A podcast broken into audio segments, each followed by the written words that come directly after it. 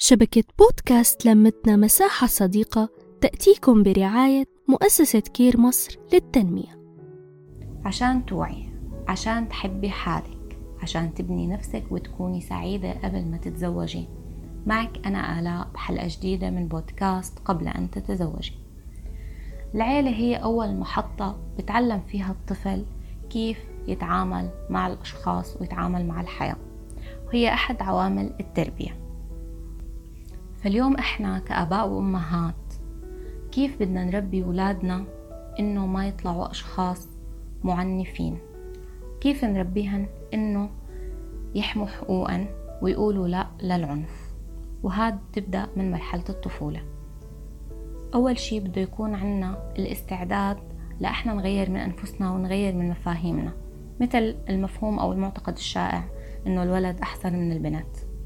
فهذا المعتقد بدنا نحاول نكسره ونقول لا عليه وننقله لأطفالنا إنه فعلا أختك مثلك ما بتفرق عنك شي ونبدأ نقص عليها قصص ما كانت بس فيها البنت هي الأميرة أو المستنية فارس الأحلام.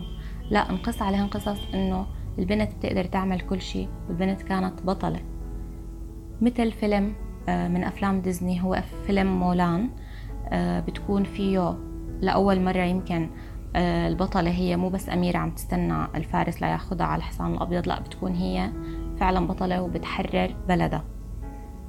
مهم نسأل الأولاد آه، شو بيحبوا يلعبوا؟ ممكن أحيانا البنت تختار تلعب ألعاب أولاد فما نيجي آه، نلقي عليها اللوم أو نستنكر. لا نسألها أنت ليه اخترتي هاي اللعبة تلعب فيها شوي وكذلك الولد. بالنهاية مو لعبة هي اللي رح تحدد هوية الشخص. وكمان لما بدنا نبدأ آه، ندخلن بالأنشطة نسألن هن شو بحبوا يلعبوا.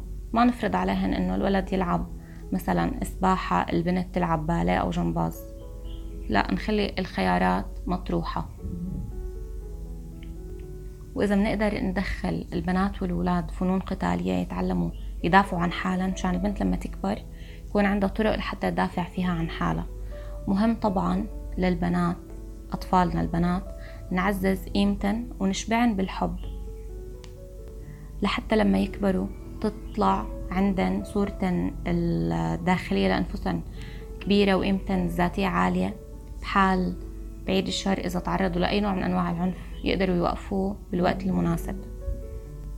وإذا ضمن منطقتنا في لجان حماية طفل أو أي شيء بيعمل فعاليات تحكي عن هالمواضيع عن العنف المبني على النوع الاجتماعي مثل شبكة تثقيف الأقران هاي موجودة بكل محافظات مصر. نشرك أطفالنا فيها لما يبدأوا يصيروا بعمر المراهقة اللي هي من بعد ال 12 سنة. لهون أعزائي بتنتهي حلقتي معكم. بتمنى استمتعتوا واستفدتوا. وبلاقيكم بحلقة جديدة ومع السلامة. نحكي نتشارك نتواصل.